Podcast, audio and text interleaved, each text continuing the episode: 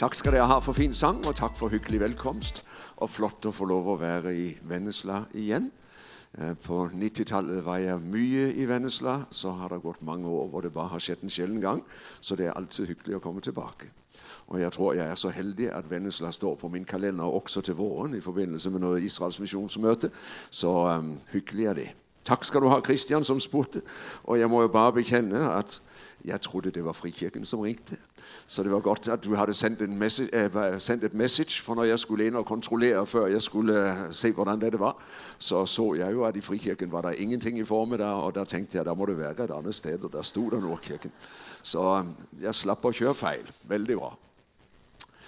En pragtfuld søndag morgen i november, og det er Allehelgens dag. Og Allehelgens dag er alltid mitt sind knyttet til litt vemod. Vi kom til at snakke om det, min kone og jeg, når vi kørte over fra Kjevik og til Vennesla. En gammel ven, som var knyttet til Vennesla station. Og pludselig dukket han frem af glemselen. Det er mange mange år siden han gik hjem til Herren. Og så er det pludselig, så bærer du med dig, når du begynder at snakke om det, mindet om mange mange av dem som du mødte, og som for længst er borte. Og jeg hadde nær sagt, Det er jo nu af alderens rigdom, så gammel som jeg er blevet nå. Jeg har mødt utrolig mange mennesker som ikke er her længere. Som jeg bare ser i bagspejlet, og som denne dagen du går op mer eller mindre og minner dig om det at du står i en lang, lang sammenhæng bakover. Og så er det flott at se ungerne og tænke, ja, sammenhængen går videre fremover. Men øh, det er livets gang for oss alle sammen. Og der som sitter her ikke er så gamle, der kan bare vente, for det kommer helt av sig selv der kan ikke gjøre noget med det. Pludselig en dag er det deres tur. Jeg syns han var så herlig, han 107-åringen som blev interviewet på tv'en, og som fik det der faste spørgsmål, hvordan øh, er du blevet så gammel. Øh, har du nu råd at give? Ja, sa han, ta tiden til hjælp. Der kommer det helt av sig selv. Pludselig er det der. Og I dag så fatter og begriber jeg ikke hvor alle årene blev av, men de har altså været der, og de er passeret. Og jeg har levet dem, det vet jeg jo, men kære tid, hvor fort det gik. Og derfor tager vare på dagen mens det har den. Dere som ikke er så gammel som jeg er. For det går frygtelig fort, det kan jeg bare betro dere. Så fik jeg altså en bestilling, Matteus 25, 31-46, eller 31-46, som prækentekst her i dag. Og jeg kan jo bare sige, at jeg blev lidt misundelig, når jeg så at Anne Honnemyr næste søndag skal præke om en ny himmel og en ny jord. Hvorfor kunne ikke jeg få lov til det? Hvorfor er det altid mig, som skal ta de værste jobbene og snakke om dommedag? Øhm, men øh, okay, jeg skal ikke vike tilbage fra den utfordringen. Så vi skal altså dele versene i Matteus 25. Vi samler sind og tanker i bøn. Herre, tak at vi får være sammen i ditt navn denne søndag formiddag. Tak at du er nær etter ditt løfte, at vi allerede har mødt dig i den hellige nadver, i bønnen og i lovsangen. Og tak at du kommer til oss i ordet. Herre Gud, velsign det ord vi skal dele. Et strengt og et krævende, men også et nådigt ord. Herre, Hjælp os til at høre både alvoret og nåden i ditt navn. Amen.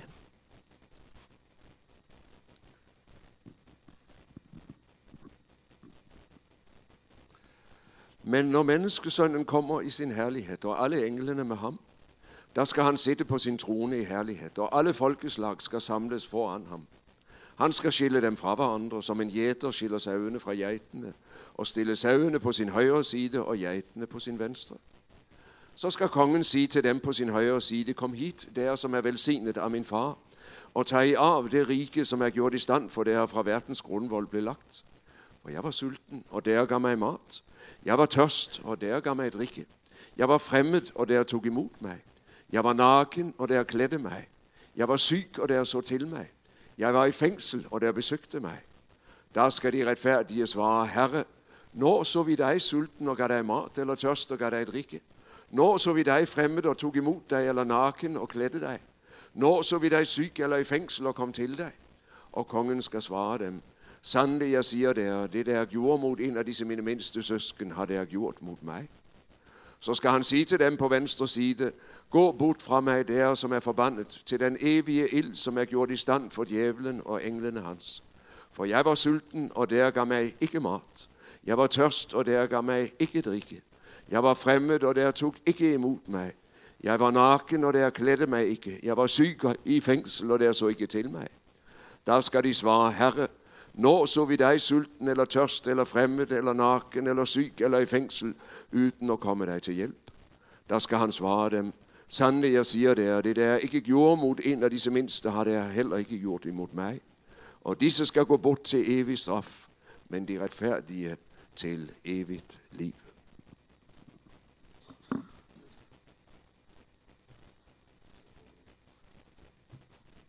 Ser Magnus godt bak i Bibelen. Det er lidt af et lærret, som trækkes op for os i Matthæus 24-25. Matthæus, han er den jødiske evangelisten blandt de fire evangelier. Det er han, som understreger dette, at Jesus er sendt først til Israel, og som starter hele evangeliet med en ettertavle, så typisk jødisk. Jeg ved fra Israels missionserfaringene mine, at jøder mange gange er blevet vældig forskrækket og er blevet vældig begejstret, når de har skjønt, at det nye testamentet starter med en ettertavle. Der kender de sig på øh, hjemmebane. Jeg regner med, at det ikke er det, du har brugt mest tid på i din bibellæsning, at læse alle ettertavlene i første krønikerbog 1-10. Jeg må bare bekende, at dem hopper jeg let over. Jeg har læst dem nogle gange og tvunget mig selv, men det er tvang, for de giver mig ikke vældig mye, og jeg synes, det er tungt. Men for jøder, så er det vigtigt. Og det er naturligt.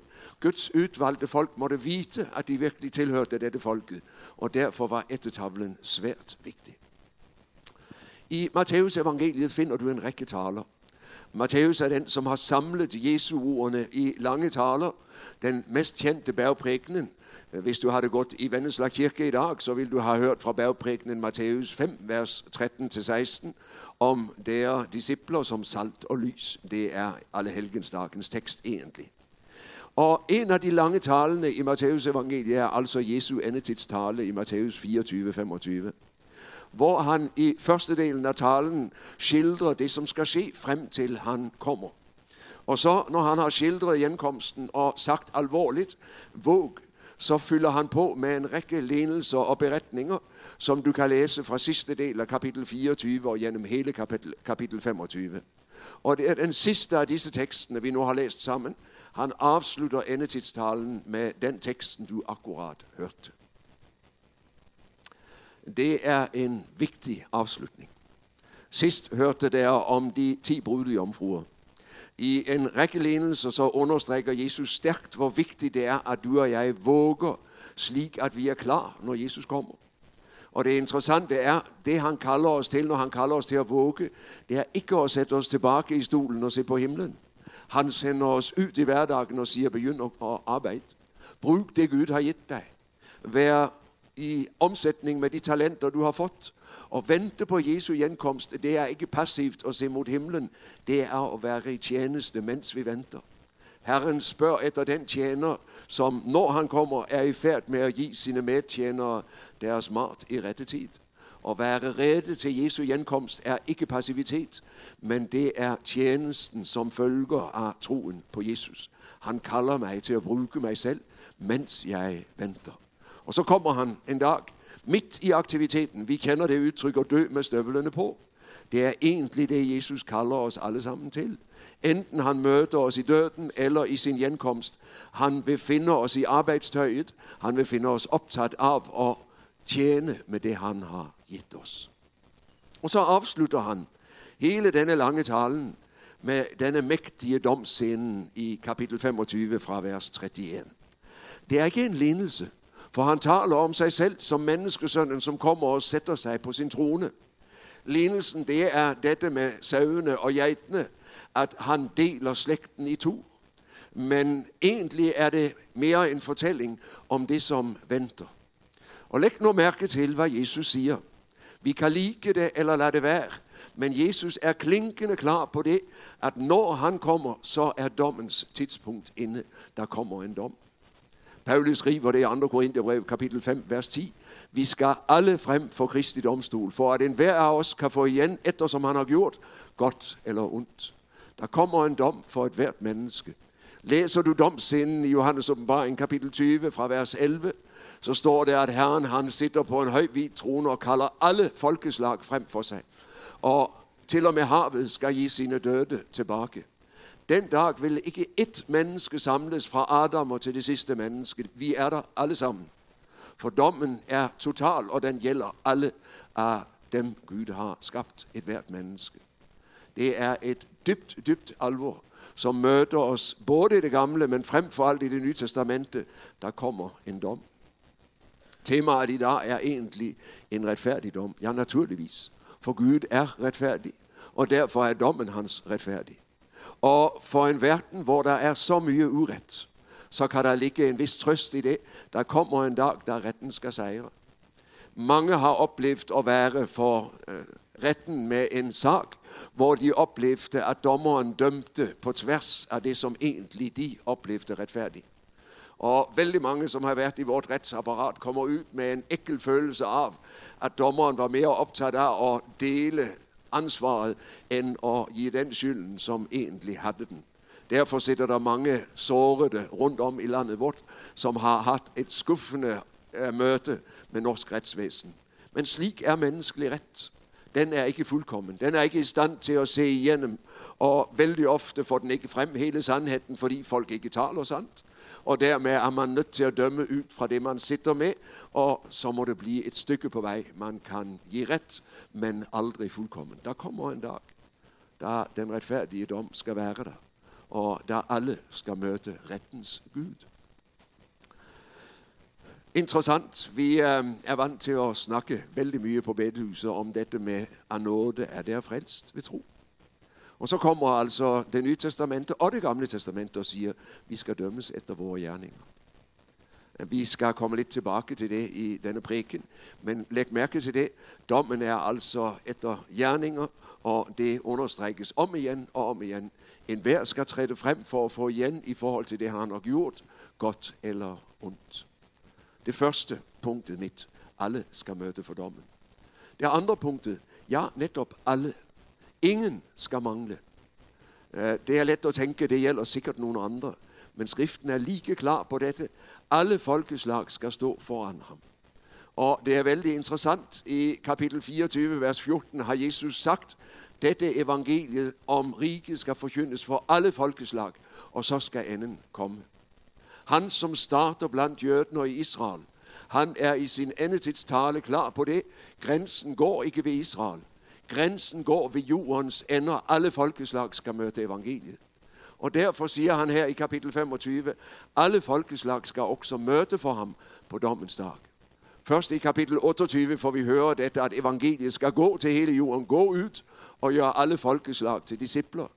Men disciplene er allerede forberedt på denne totalordren, for her i kapitel 24 og 25 siger Jesus, alle folkeslag skal forhøre, og alle folkeslag skal møde for dommen. Ikke bare jødene, men et hvert menneske fra hele jorden. Det næste, vi skal mærke os i det, Jesus siger, der er en dobbelt livsudgang. Det er en sandhed, som i dag underkommuniseres kraftigt i kirker og på bedehus, desværre. Men lad det være klinkende klart. Læser du det nye testamente, kommer du ikke under. Der er en himmel at vinde, og der er et helvede at undfly. Slik taler Jesus. Og han taler skarpere om det end nogen andre. Den eneste, som bruger ordet helvede utenom Jesus i det nye testamente, det er Jakob, som taler om tungen, som er sat i ild i helvede. Men ellers er den, som understreker om igen og om igen, at det drejer sig om intet mindre end en evig fortabelse og et helvede. Det er Jesus. Jeg møder en del mennesker, som synes, det er helt forfærdeligt med alle disse, som dør i det gamle testamente, med helligkrigen, slik vi møder den, for eksempel i Josva-boken. Ja, det er forfærdeligt, og det er anstødeligt. Jeg skjønner vældig godt det men vær ops på, at perspektivet i det gamle testamente, det er dette liv. Det værste, som kan ske, de som møder os i Josva-boken, det er, at de mister lægemets liv. Der er ikke noget evighedsperspektiv endda. Det kommer først mod slutten af det gamle testamente. Og derfor oplever jeg jo, at det nye testamente er mye vanskeligere at møde end det gamle testamente. Tænk på Lukas 12:4, hvor Jesus siger, frygt ikke for dem, som slår læge med ihjel, men frygt for ham, som har magt til at kaste både sjæl og læge med i helvede. Ham skal der frygte. Og så er det Jesus, som kalder dig og mig ind i den evige dimension og siger, min ven, det står om frelse eller fortabelse, intet mindre. Jeg har altid undret mig, Eh, og ikke mindst i de årene, jeg var præst, hvor jeg igen og igen stod ved en døbefond med mennesker, som sjældent eller aldrig gik i kirke, at ingen af dem protesterede. når jeg læste Johannes 3:16, eh, slik eh, liturgien la op til. For så højt har Gud elsket verden, at han gav sin søn den enborne, for at hver den, som tror på ham, ikke skal gå fortabt, men har evigt liv. Jeg var altid parat til at modtage ham, som rejste sig op i bænken og sagde, jeg protesterer, jeg accepterer det ikke. Du talte om fortabelse, det kan ikke være sandt. I dag ser vi, at det begynder at lyde også langt ind i kirken. Dette, at man protesterer og siger, nej, ikke tale om. Vi kan ikke acceptere dette med fortabelsen. Øh, det var en professor på menighedsfakultetet, som i vort land for nogle år siden sagde det ret ud på denne måde. Nej, ingen kommer til at gå fortabt, for jeg tror på en kærlig Gud, og han kan ikke lade nogen gå fortabt. Ja, når fornuften skal styre, så overstyres skriften. Men skriften siger noget andet. Det er ikke os, som har fundet på det. Det er ikke mig, som har fundet på det. Men skriften siger, at nogen kommer til at blive frelst, og nogen kommer til at gå fortabt. Og den samme skriften siger, at frelsen er evig, og siger, fortabelsen er evig. Jeg skjønner veldig godt, at adventistene de siger, de som går fortabt, de brændes op, og så er de færdige, så er der ikke mere. De tjente gjøres. Jehovas vittner følger dem i det. Men det er ikke det, det nye testamentet siger. Vi kunne ønske, at det var sådan. Vi kunne ønske, at det var slut for dem, som gik fortabt, når de døde, og dermed så var alt sagt. Men læser du skriften, og blandt andet den teksten, jeg læste nu, så er det helt tydeligt, at Jesus siger, at nogen går ind til evigt liv, og andre til evig afsky, til evig fortabelse. Er en frygtelig tanke. Og jeg klarer ikke at tænke den til ende. Den er så forfærdelig, at jeg er nødt til at bøje mig for skriften, for min fornuft og min følelse siger ikke tale om, nej, det kan ikke være rigtigt. Men i kristen sammenhæng, så lader vi os ikke styre hverken af følelser eller af fornuft. Vi lader os styre af den hellige skrift og bøjer os for den. Og dermed så bliver det pludselig vældig øh, akut, dette med missionsdimensionen. Vi er sammen i en missionsorganisation. Hvorfor drive indre mission? Hvorfor drive ytre mission? Ja, er det sandt, at mennesker går fortabt, hvis de ikke tror på Jesus? Så må mit livs første og vigtigste opgave være at få det ordet ud, så mennesker kan få møte det, mens der er tid og kan få lov at gribe dette, at Jesus frelser. Der bliver dette med mission pludselig ikke bare en interesse, men det bliver en livsopgave. At de må blive frelst. Paulus han bærer det som en nød på sit hjerte. For sit eget folk og for folkeslagene. At de må blive frelst. Og han siger, jeg er parat til selv at gå fortabt, hvis det kunne hjælpe mine brødre efter kjødet til at blive frelst. Men han ved jo, at det hjælper ingenting. Men så langt er Paulus villig til at gå. Fordi for ham er det så dramatisk, tragisk, at folket skulle miste den frelse, Gud har berett i Jesus Messias. Okay, dommen kommer. Alle skal møde for dommen. Der er en dobbelt livsudgang. Og så kommer vi til det, som er poenget med lignelsen. Ja, for det, eller denne beretningen. Det denne beretningen svarer på, det er jo, hvem er det, som bliver frelst? Og hvem er det, som går fortabt? Hvad er årsagen til, at nogen frelses? Og hvad er årsagen til, at nogen fortabes? Og der er det vældig interessant at lytte til det, Jesus siger om dem, som står på højre side, og dem, som står på venstre side. Og læg nu mærke til, om igen dommen efter gerninger. Det jeg så til mig, da jeg var naken, da jeg var sulten, da jeg var fremmed, da jeg var i fængsel. Det jeg så ikke til mig, da jeg var naken, da jeg var sulten, da jeg var fremmed, da jeg var i fængsel. Den samme ramsen på begge sider, men altså med modsat fortegn.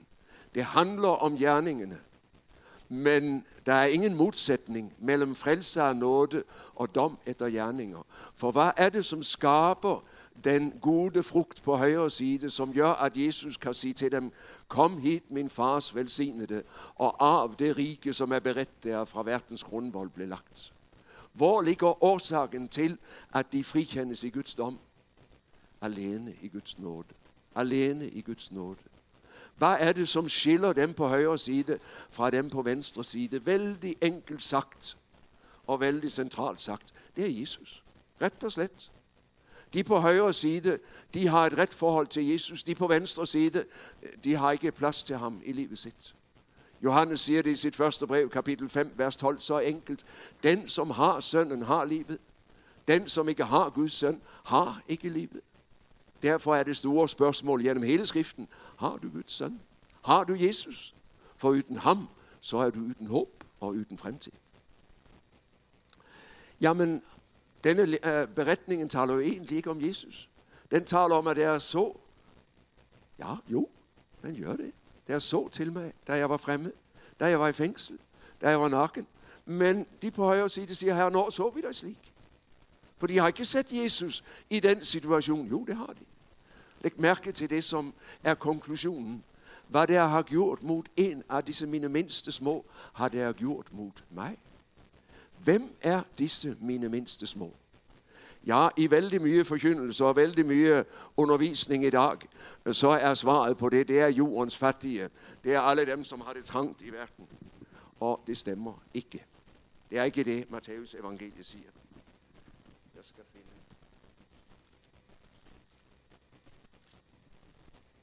Hør, hvad Jesus siger i kapitel 10 her i Matteus evangeliet. Fra vers 40. Den, som tager imod dere, tager imod mig. Og den, som tager imod mig, tager imod ham, som har sendt mig. Den, som tager imod en profet, fordi han er profet, skal få en profets løn. Og den, som tager imod den retfærdige, fordi han er retfærdig, skal få den retfærdiges løn. Og den, som giver en af disse små om så bare et bækker koldt vand og drikke, fordi han er disciple, sandelig jeg siger det han skal slet ikke miste sin løn. Hvem taler Jesus til? Hele kapitel 10 er talt til disciplene, som Jesus skal sende ud. Og så siger han altså, den som tager imod dere, tager imod mig. Og i vers 42, øh, den som giver en af disse små om så bare et bækker koldt vand og drikke, fordi han er disciple. Disse mine mindste små, det er ikke jordens fattige uden videre.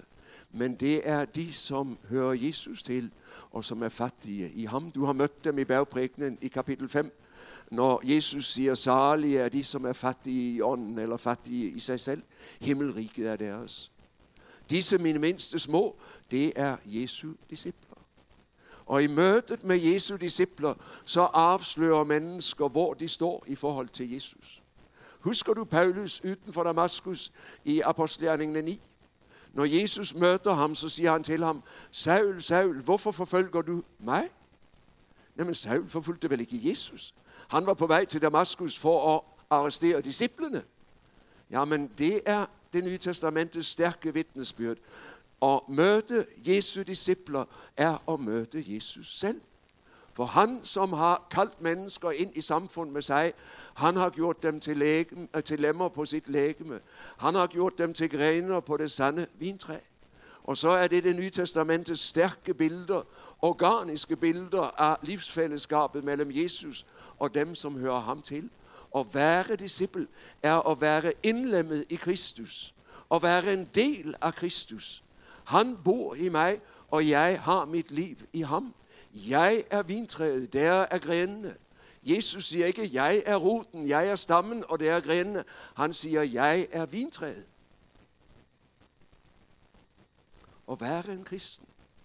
Og tilhøre Kristus med hele sig. Og eje livet i ham.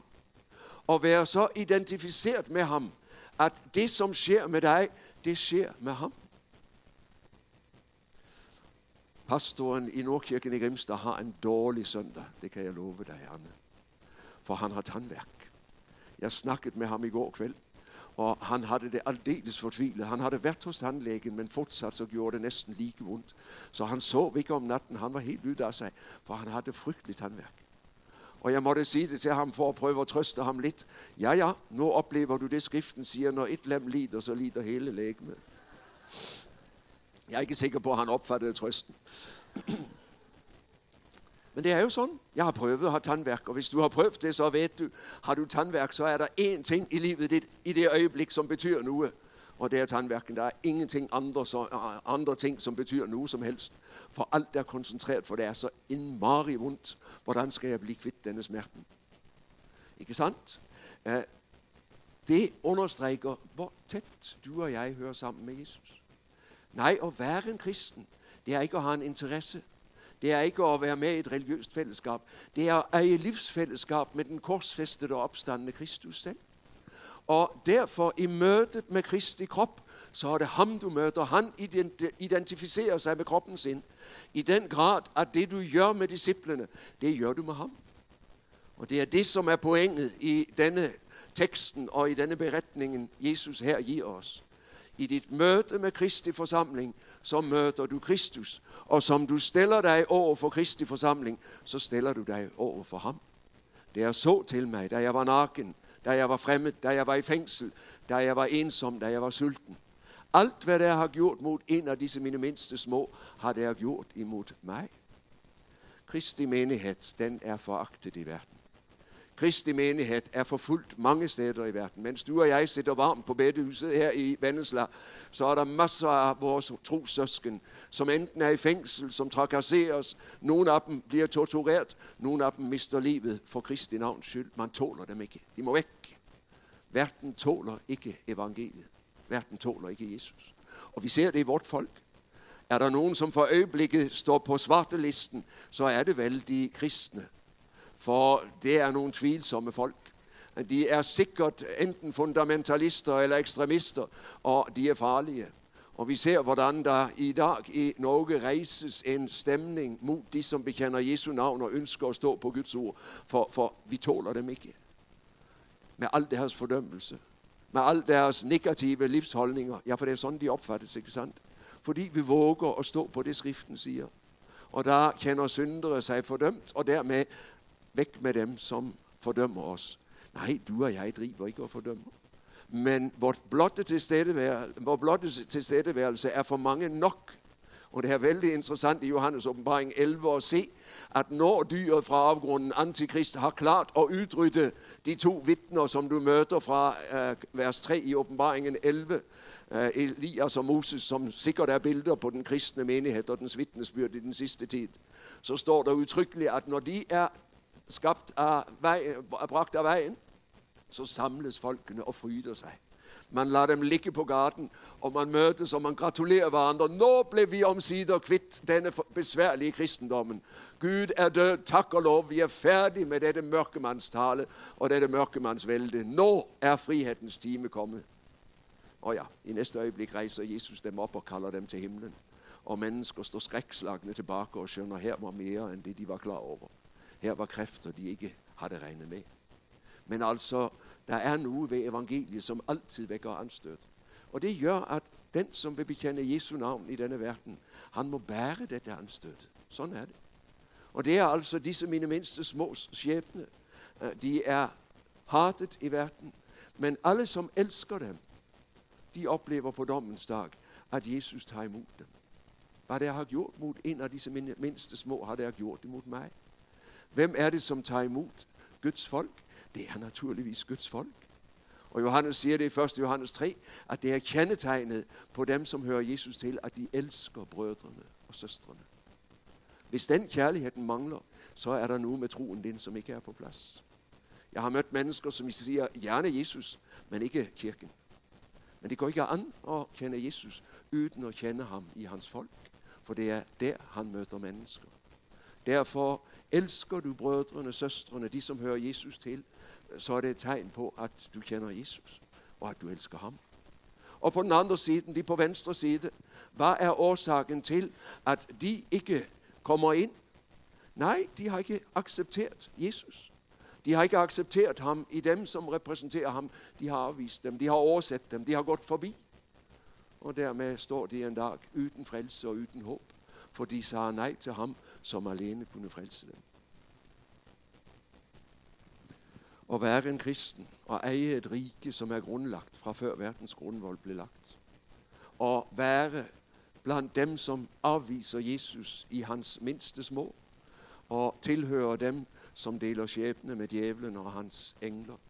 Det er det dybe, dybe alvor, som møter os i denne teksten. Og derfor må jeg naturligvis stille spørgsmålet, hvor befinder du dig i denne sammenhæng? I dit forhold til Jesus, i dit forhold til dem, som han kender som sine. Den kristne menighed er en skrøbelig flok, for det er syndere og frelst af nåde. Det er let at tage en støt af dem.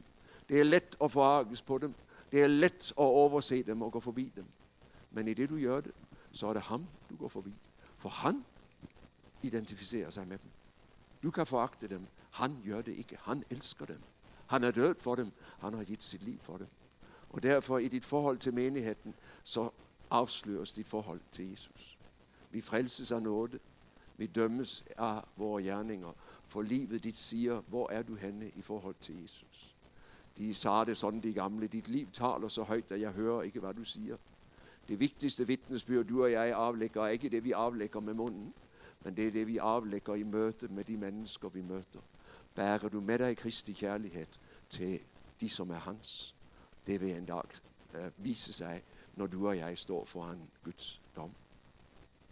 Der skal jeg sætte punktum.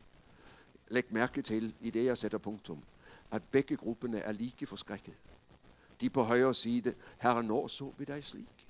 De har ikke været klar over, at de gjorde noget specielt. De bare gjorde det, som lå i vejen for dem, og vise Kristus kærlighed i hans folk. De på vej på venstre side er lige forskrækket. Jamen, de var jo både døbt og konfirmeret, og de havde da så vist sin, sin tro på Gud. Ja, de troede på sin måde, og de kendte sig ikke ved menigheden, men, men de ville altså vist ikke være hætninger. Og så går de fortabt med al sin tilsyneladende religiøsitet, for de har aldrig accepteret Jesus. Og de har aldrig ville tage imod dem, som han identificerer sig med. I dit forhold til Jesus afgøres din evige skæbne. Derfor lad der ikke være tvivl om, hvor du er. Lad ham få lov at være centrum, og lad hans kærlighed få lov at følge dig i dit møde med hans folk. Herre Jesus, hjælp os til ikke at bedrage os selv ind i en evig fortabelse. Hjælp os til at leve i dit lys af din nåde, så vort liv kan få lov at bære vidnesbyrd om dig. Amen.